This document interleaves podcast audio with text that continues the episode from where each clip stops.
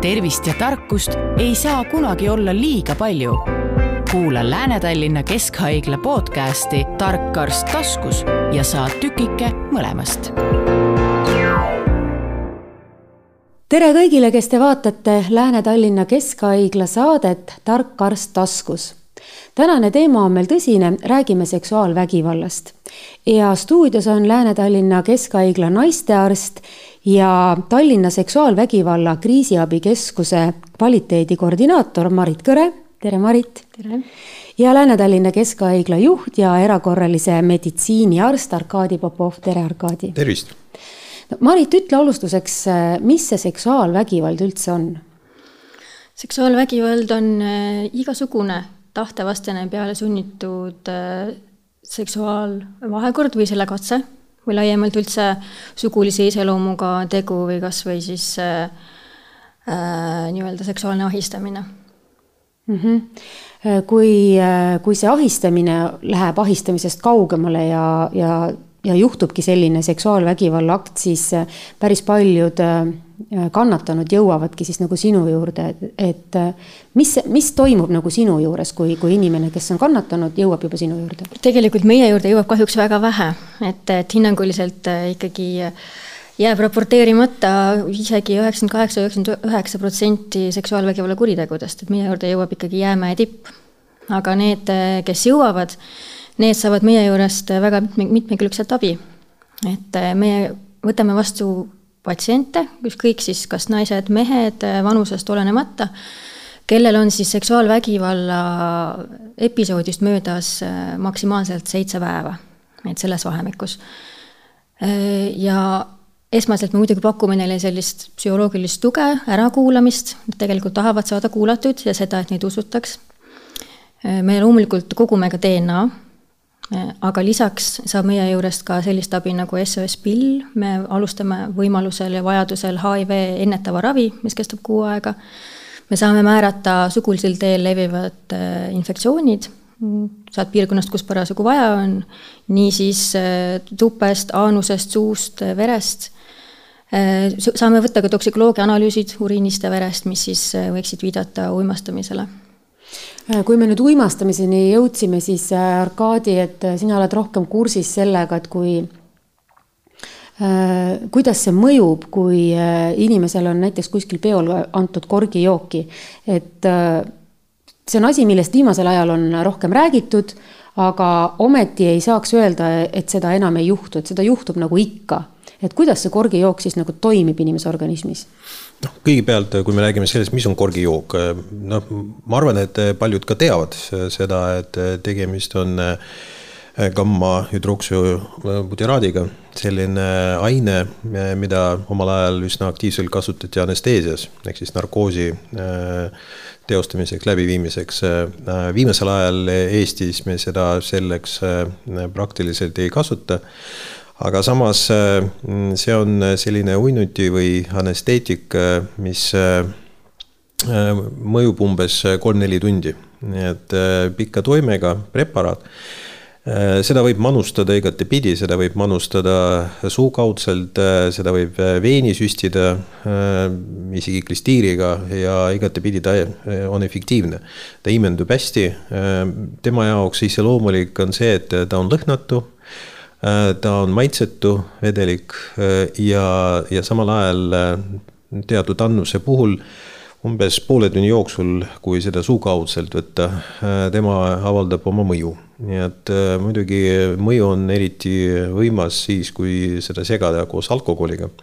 mida kangem alkohol, kui sinna lisatud oksübutiraad, seda on tõhusam tema mõju ja seda kasutataksegi selleks, et uinutada inimest, sest temal on olemas ka teine selline nii-öelda hüüdnimi, see on vedelekstasi, näiste ekstasi ja, ja noh, eks ta tõesti mingil määral teatud annuse juures, just mis on väga oluline, teatud annuse juures, tema võib pisut tõsta liibidot ja juhul, kui see annus ületatakse, läheb veelgi suuremaks, kõrgemaks siis äh, järgnevad sellised äh, mõjud, mis avalduvad tavaliselt just narkoosi puhul. ehk siis tekib teadvuse häire kuni koomani välja. juhul, kui seda segatakse koos alkoholiga, siis ja see on eriti ohtlik, tekib ka oksendamine. patsient on koomas teatud määral hingamise depressiooniga ja ka oksendab. see on eriti ohtlik sellepärast, et inimesel on kinni hingamisteed. Ja võib kergesti tekkida selline probleem nagu toidumasside aspiratsioon kopsudesse ja sellest tingituna siis kopsupõletik, hingamispuudulikkus kuni äkksurmani välja, sest kui hingamisteed on ohus, siis inimene ei suuda hingata. Et sellised sümptomid, kusjuures seda on vahest keeruline diferentseerida selliste ainetega nagu opiaadid, eriti algfaasis Äh, ja noh, me oleme ka nii kiirabis kui ka erakorralise meditsiini osakondades oleme seda ka korduvalt näinud, selliseid mürgistusi. inimene tuleb äh, EMO-sse sügavas koomas, äh, et noh, selles seisundis, et praktiliselt võib ilma täiendavate ravimiteta teda ära intubeerida ja võtta hingamisteed kontrolli alla ja seda on reaalselt on vaja ka, sest nagu ma ütlesin, hingamisteed on ohustatud Äh, umbes kolme-nelja tunni pärast äh, tavaliselt inimene ärkab üles. Äh, mingisugust vastumürki, antidooti sellel preparaadil ei ole, nii et aitab siin just see, et inimene magab ennast välja. see toksiline aine läheb organismist minema ja inimene hakkab toibuma. aga mina sain siit küll teada nagu täiesti uue sellise infokillu, et ma olen kogu aeg kuidagi oma peas seost, seostanud seda korgijooki alkoholiga aga kui see mõjub nagu igal pool, siis tegelikult ka need inimesed, kes käivad peol ja tarbivad mittealkohoolseid jooke, võivad täpselt samamoodi olla siis ohustatud, et ka, ka nende joogi sisse võib seda panna ja kuna ta on lõhnatu ja maitsetu, ei saa arugi. ja täpselt nii ongi. ja tegelikult see ongi hästi tavaline, et tuleb meie juurde naine ja ütleb, et et ta kas ei joonud üldse või ta jõi tegelikult enda kohta väga vähe, aga ta jäi järsku väga uimaseks ja hästi järsku. ja siis kaob pilt ära ja ta ärkab hommikul täiesti võõras kohas, võõras korteris, võõraste inimestega, kuskil pargis, kuskil kas või kaubanduskeskuse juures. ja ta ei tea üldse, mis vahepeal temaga juhtus. Äh, Arkadi, kas sa oled nagu kiirabi väljakutsel ka äh, selliste sündmuste puhul äh, kuskile sattunud? olen küll jah, ja noh, muidugi äh, klassikaliselt äh, noh, äh, potentsiaalne ohver võib arvata, et see juhtubki kusagil avalikus kohas, baaris no ma arvan, et tõsi on, et circa kuuskümmend, kuuskümmend viis protsenti selliseid mürgistusi juhtubki siis, kui inimene õhtul, ma ei tea, reede õhtul või laupäeval läheb baari, saab tuttavaks inimestega, keda ta varem ei ole kunagi kohanud ja kes pakuvad talle äh, joogi välja. nii et see on kõige äh, kahtlasem ja kõige ohtlikum episood.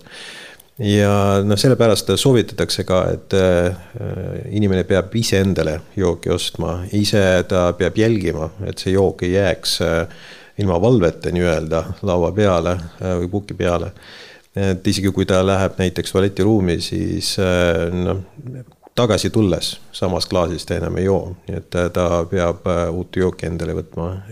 ja sellised lihtsamad reeglid äh, vahest aitavad kaasa, aga siin noh, osavad inimesed oskavad kahjuks sellega manipuleerida ka, et piisab sellest, et korraks tähelepanu äh, Äh, inimesel ikkagi pööratakse mingile teisele äh, asjaolule või objektile ja siis vaene korgijook on juba, äh, juba klaasis sees, nii et jah, me oleme sellist asja näinud ja, ja tõesti, inimesed on raskes seisundis olnud, eriti siis, kui seda doseeritakse üle.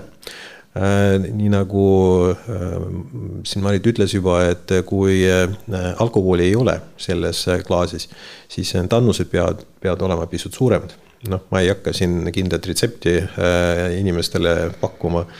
aga kui seal klaasi sees on alkohol, siis annus ei pea nii suur olema, aga just siis on eriti ohtlikud need kõrvalmõjud mm. -hmm.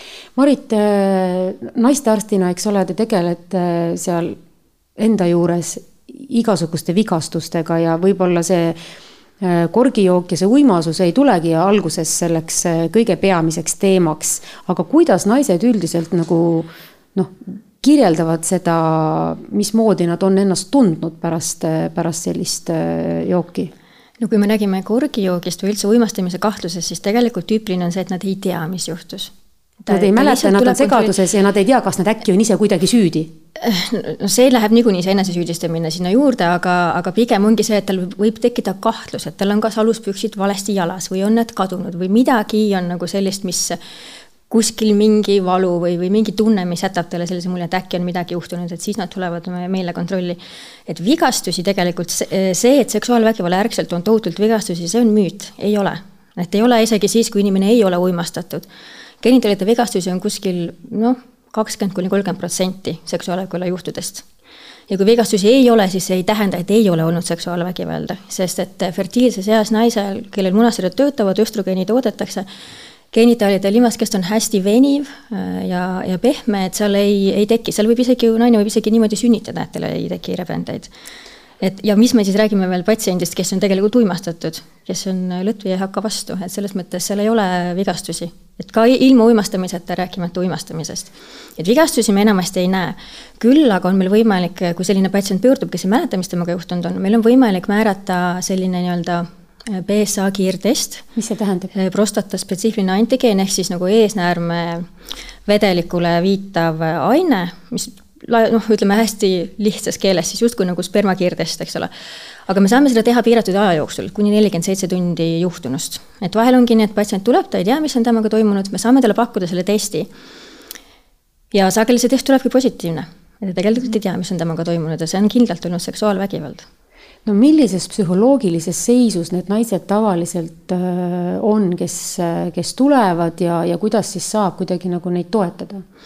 väga erinevas psühholoogilises seisundis ja seal ei ole tegelikult sellist nii-öelda õiget psühholoogilist seisundit, milline ta peab olema, et ei pea olema nii, et ta tuleb ja nutab ja on ahastuses, ta võib olla täiesti apaatne, ta võib olla vastupidi, väga jutukas, väga rõõmus, et see tuleb kõik sellest äh, tohustushormoonide tulvast, mis, äh, mis temaga sellel ajal toimub et see, seal ei ole nagu sellist kindlat reaktsiooni, et, et võib-olla pigem kõige sagedamini ongi see, et nad pigem on rahulikud ja, ja võib-olla tuimad või hästi kerge ärevus, selline käte mudimine, aga aga seal ei, ei noh, ei ole sellist enamasti sellist äh, tohutut nutmist, mida, mida võiks eeldada ja mida tavalised inimesed eeldavad, et kui ta ei käitu niimoodi, et järelikult ei ole vägistatud, see ei ole nii no.. kas sa, Marit, oled märganud ka mingisuguseid muutusi, et kas naised on nagu kuidagi teadlikumad või julgemad sellisest äh, seksuaalvägivallast teadaandmises äh, või siis nagu kasvõi ka enda tervise kontrollimises? kindlasti on, sest et seksuaalvägivalla kriisiabikeskus, keskused, kui loodi siin alles kaks tuhat kuusteist esmane pilootprojekt ja sellest ajast alates on meil iga aasta pöördumiste arv tõusnud, et kui meil siin alguses, kas võtame meie Tallinna keskus, Eestis on tegelikult neli seksuaalvägivalla kriisiabikeskust, eks ole, on Tallinnas, Tartus Äh, Kohtla-Järvel ja Pärnus ja meie siin Tallinnas oleme kõige suurem keskus, mis on loogiline, sest et meil on lihtsalt kõige suurem rahvaarv. et lihtsalt suurusjärke, kui vaadata, et siis näiteks eelmisel aastal üle Eesti kokku oli veidi üle kahesaja seksuaalvägivalla juhtunu, kes siis meile pöördus ja meil Tallinnas oli sada kakskümmend, et see suurusjärk on selline, eks ole, et meil tuleb neid kõige rohkem. ja, ja see sisetunne on see, et see on vaid veepealne osa see, see mitte ainult ei ole sisetunne, vaid see, see ongi kindlalt see on kindel. nii. ja see, seda on uuritud nii Eestis kui ka, kui ka lääneriikides, kui on vaadatud, et kui palju seksuaalvägivalla kuritegusid äh, registreeritakse ja samas on tehtud ka küsitlusuuringuid äh, nii-öelda tagasiulatuvalt. Äh, ja suurel osal naistest on rääkida mingi lugu. just täpselt, on rääkida mingi lugu, aga see nagu ei korreleeru selle seks-, registreeritud seksuaalkuritegude arvuga. eks sealt tulebki see et, et üheksakümmend kaheksa, üheksakümmend üheksa protsenti kuritegudest tegelikult jääb registreerimata et väga väike osa meile pöördub. aga hea meel on selle üle, et, et mehi on ka hakanud pöörduma, et neid on küll oluliselt vähem, et eelmisel aastal siis kuskil kahesajast oli meil üksteist meest Eestis mm. -hmm.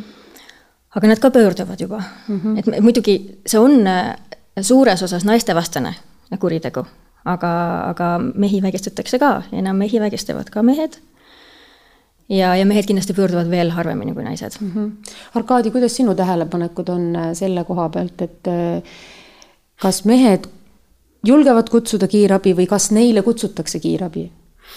Ma pean tunnistama, et äh, selliseid situatsioone me praktiliselt ei näe kiirabipraktikas ega ka erakorralise meditsiini osakonnas suht harva sest noh, tõepoolest eh, mehed, eh, ma arvan, et nad tahavad pigem varjata seda, mis juhtus, et nad ei taha tunnistada seda, ei taha ka sellest teistele rääkida.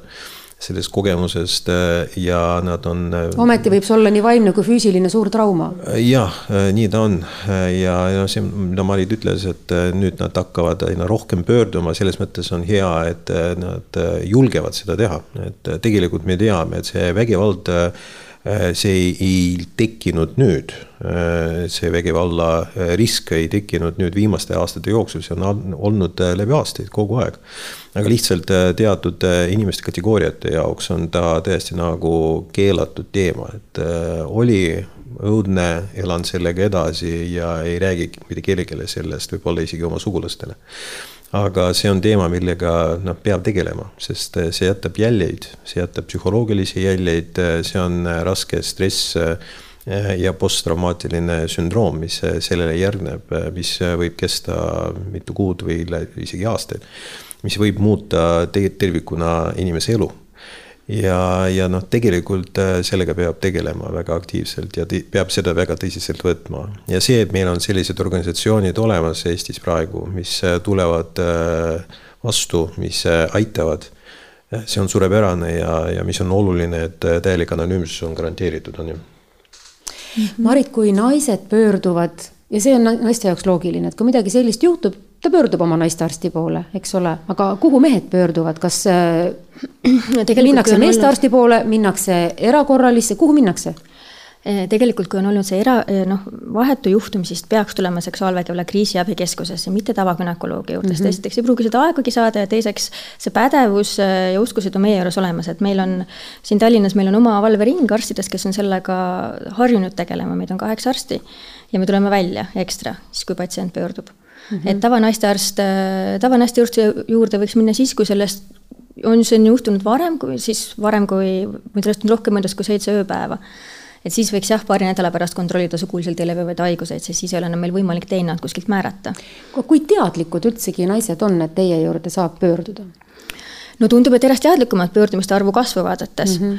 aga, aga muidugi see, seda infot võiks veel rohkem olla, jah mm. -hmm et äh, meie kohta infot või tegelikult seksuaalvägivalla kriisiabikeskuste kohta saab infot selliselt kodulehelt nagu palunabi.ee, sest me töötame tihedas koostöös Sotsiaalkindlustusameti ohvriabiga.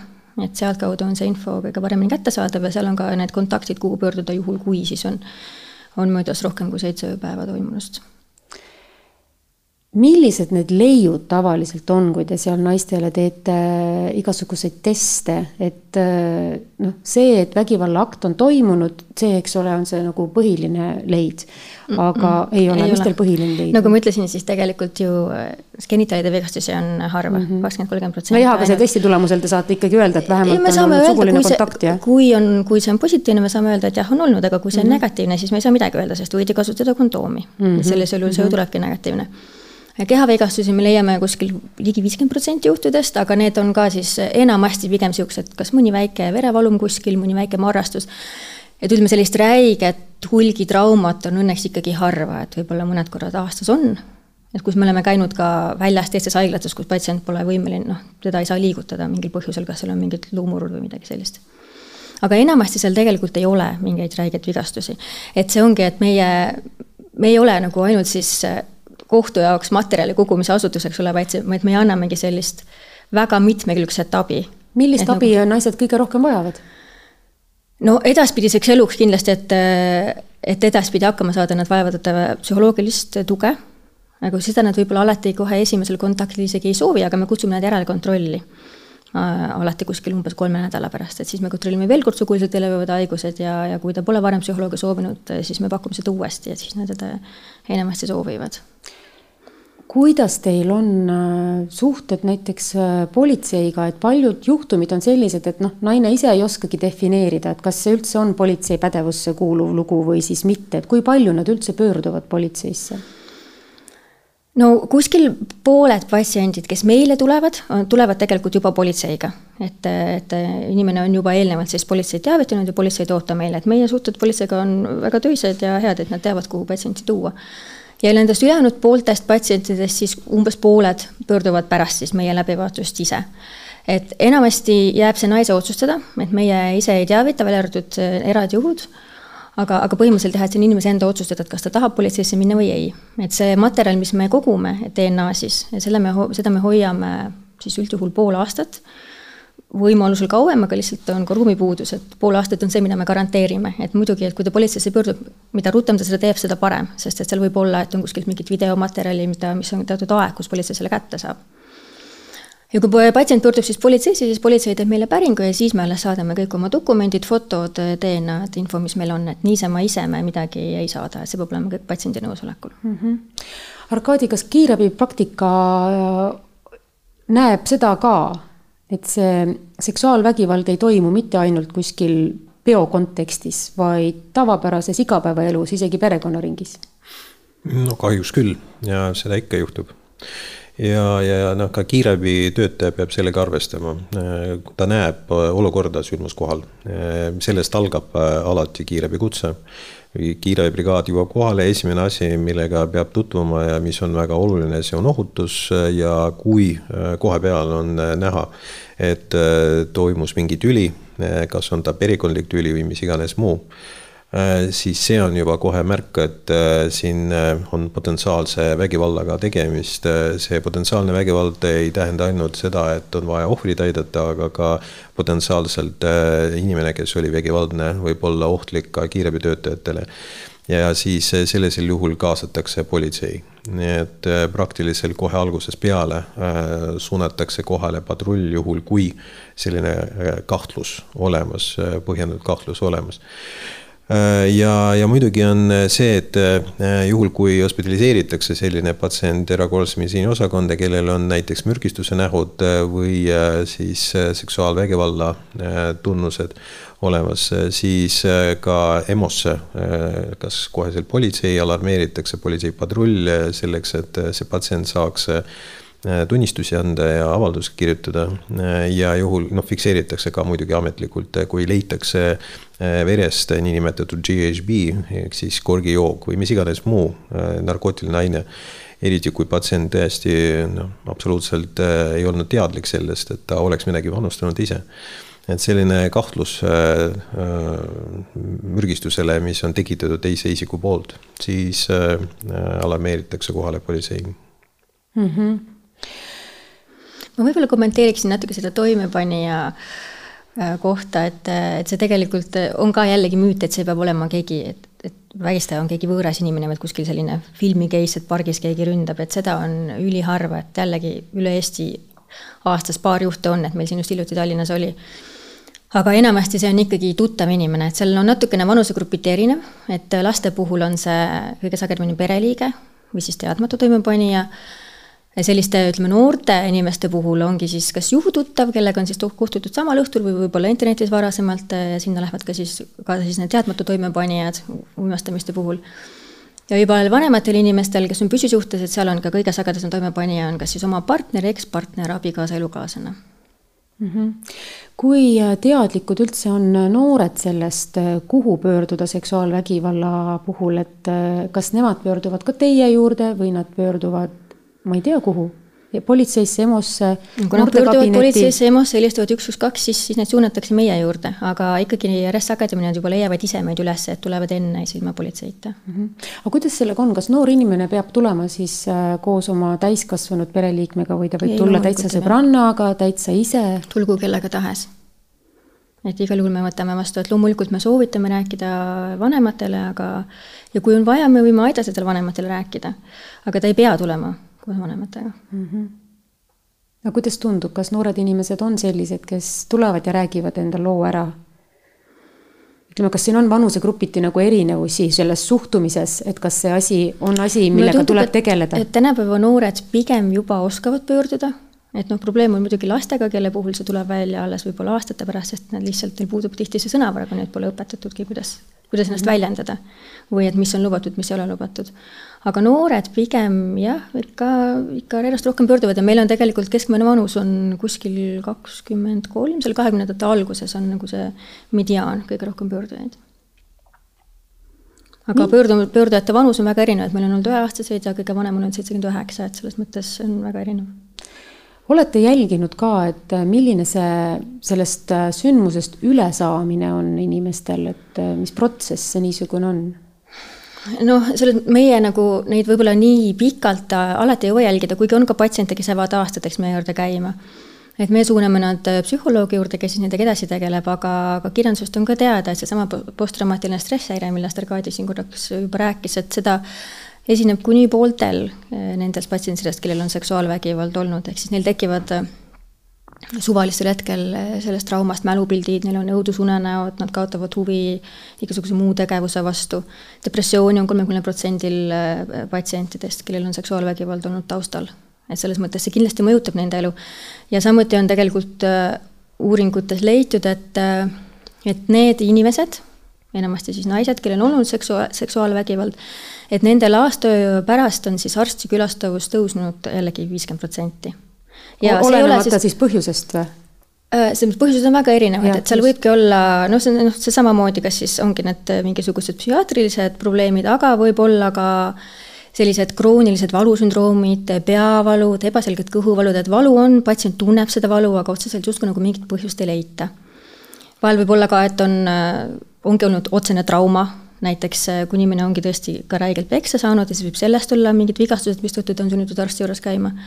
Aga noh, samuti on ju üks variant soovimatu rasedus, suguliselt leviv haigus, et, et see tegelikult on rahvatervise probleem mm. -hmm. et mhm. inimesed pärast seda ikkagi oluliselt rohkem pöörduvad arsti juurde, neil on raske Arkadi, kas midagi võiks olla meie ühiskonnas ka nagu teistmoodi, et see probleem muutuks väiksemaks? et kas me peaksime kuidagi rääkima sellest rohkem, kas me peaksime suhtuma teistmoodi nii sündmuse toimepanijatesse kui ohvritesse kui nendesse oludesse, mis, milles need sündmused aset leiavad? no eks muidugi siin, see on mitmekülgne probleem üldiselt, et kui me räägime toimepanijast, siis äh, igaüks selline inimene muidugi peab noh, teadma, põhimõtteliselt teadma, et äh, inimesel, kellele ta teeb liiga, on äh, olemas äh, koht, kuhu ta võib pöörduda, sellega tegeletakse, tegeletakse päris tõsiselt ja on võimalik seda kõike tuvastada ja selgeks teha ja siis sellele võib järgneda ka tõsine karistus. et noh, number üks muidugi, see süsteem peab töötama ja, ja antud olukorras noh, ka need struktuurid seda toetavad, et äh, kindlasti nad on äh, abiks äh, nii ohvrile kui ka politseile mingil määral. nii et toimepanija peab teadma, et sellele midagi järgneb. Küll sellesse suhtutakse ilmselt kergekäeliselt toimepanija poolt esialgu vähemalt ja arvatakse, et see on niisugune noh, mäng ka võib-olla, aga noh igal juhul sellele peab olema nulltolerantsus ühiskonnas, et inimesed, kes ümberringi asuvad, kui nad näevad midagi taolist, et äh, noh, tõesti istuvad samas baaris ja näevad, et vot äh, seal on midagi tehtud, siis äh, see on. ei tohi kuri, jääda kõrvaltvaatajaks. jah, see on ka kuritegu, kui nad ütlevad, okei okay,, no see ei ole minu asi, mina tegelen oma asjadega edasi nii et nad peavad aktiivselt sekkuma ja, ja peavad noh, kas inimeste ette hoiatama või äh, koheselt äh, reageerima, selleks on meil Eestis olemas äh, vastavad struktuurid jällegi politsei näol. nii et peab reageerima, ei tohi olla erapooletu selles olukorras ja, ja samamoodi on oluline, et igaüks inimene, no vähemalt paljud inimesed teaksid, et on võimalus abi saada siis, kui juba juhtus või kui, kui on kahtlus sellele probleemile, siis äh, on teada, kuhu pöörduda ja mida teha. et inimene ei ole üksinda jäetud ja kui see juhtus, siis on ka väga oluline, et äh, nii perekonnaliikmed äh, kui ka kolleegid või kes iganes sõbrad oleksid hoolivad, oleksid mõistlikud ja nad noh, üldiselt äh, peaksid äh, teadma, et äh, nad peavad aitama inimest, et tegemist on ohvriga samamoodi, nii nagu inimene oleks näiteks haigeks jäänud, et see kui inimene jääb haigeks, siis teda aidatakse ja tema eest hoolitsetakse. sama probleem on siin, et nii nagu me siin korduvalt ütlesime, no praktiliselt alati väga sageli, nii et inimesed tegelikult on äh, ohvrid, vaatamata sellele, et nad ei, ei osanud arvata, et selline asi nendega võib juhtuda, et see on tegelikult sama nagu trauma, et äh, kui inimesega juhtub trauma, liiklusõnnetus, siis äh, me hoolime tema eest. Ja kui juhtub selline probleem, me peame ka hoolima, me peame seda väga tõsiselt võtma. Ja, ja me peame aru saama, et see on probleem, mis jääb koos inimesega. See ei kao ära järgmisel päeval ja pigem vastupidi, need tunded võivad süveneda ja, ja peab inimest toetama pikema aja jooksul. ma tegelikult siin sekundeeriks Arkadile, et, et mulle tunne, et meil ongi, et ühiskonnana peaks olema see raskuspunkt äh, just suunatud sellele toimepanijale, et praegu on hästi selline ohvri süüdistav hoiak, et miks sul olid sellised riided, miks sa ei valvanud oma jooki, miks sa olid nii purjus. aga tegelikult me peaks äh, rohkem suunama oma tähelepanu sellele toimepanijale, et mis inimene see on, kes niimoodi teeb, et kes läheb abitus seisundis äh, inimest ära kasutama või veel hullem, seda abitud seisundit ise, ise tekitama et me peame tõesti sekkuma, kui me näeme ja selle nagu väga selgelt ka hukka mõistma ja õpetama oma poegi ja tuttavaid ja sõpru, et, et nii ei tehta ja see on vale. Aitäh teile, naistearst äh, Marit, Marit Kõre ja erakorralise meditsiini arst Arkadi Popov. head äh, vaatajad ja kuulajad, äh, Tark arst taskus selleks korraks lõpetab. Lääne-Tallinna Keskhaigla saade on teiega peagi taas. kohtumiseni tervist ja tarkust ei saa kunagi olla liiga palju. kuula Lääne-Tallinna Keskhaigla podcasti Tark arst taskus ja saad tükike mõlemast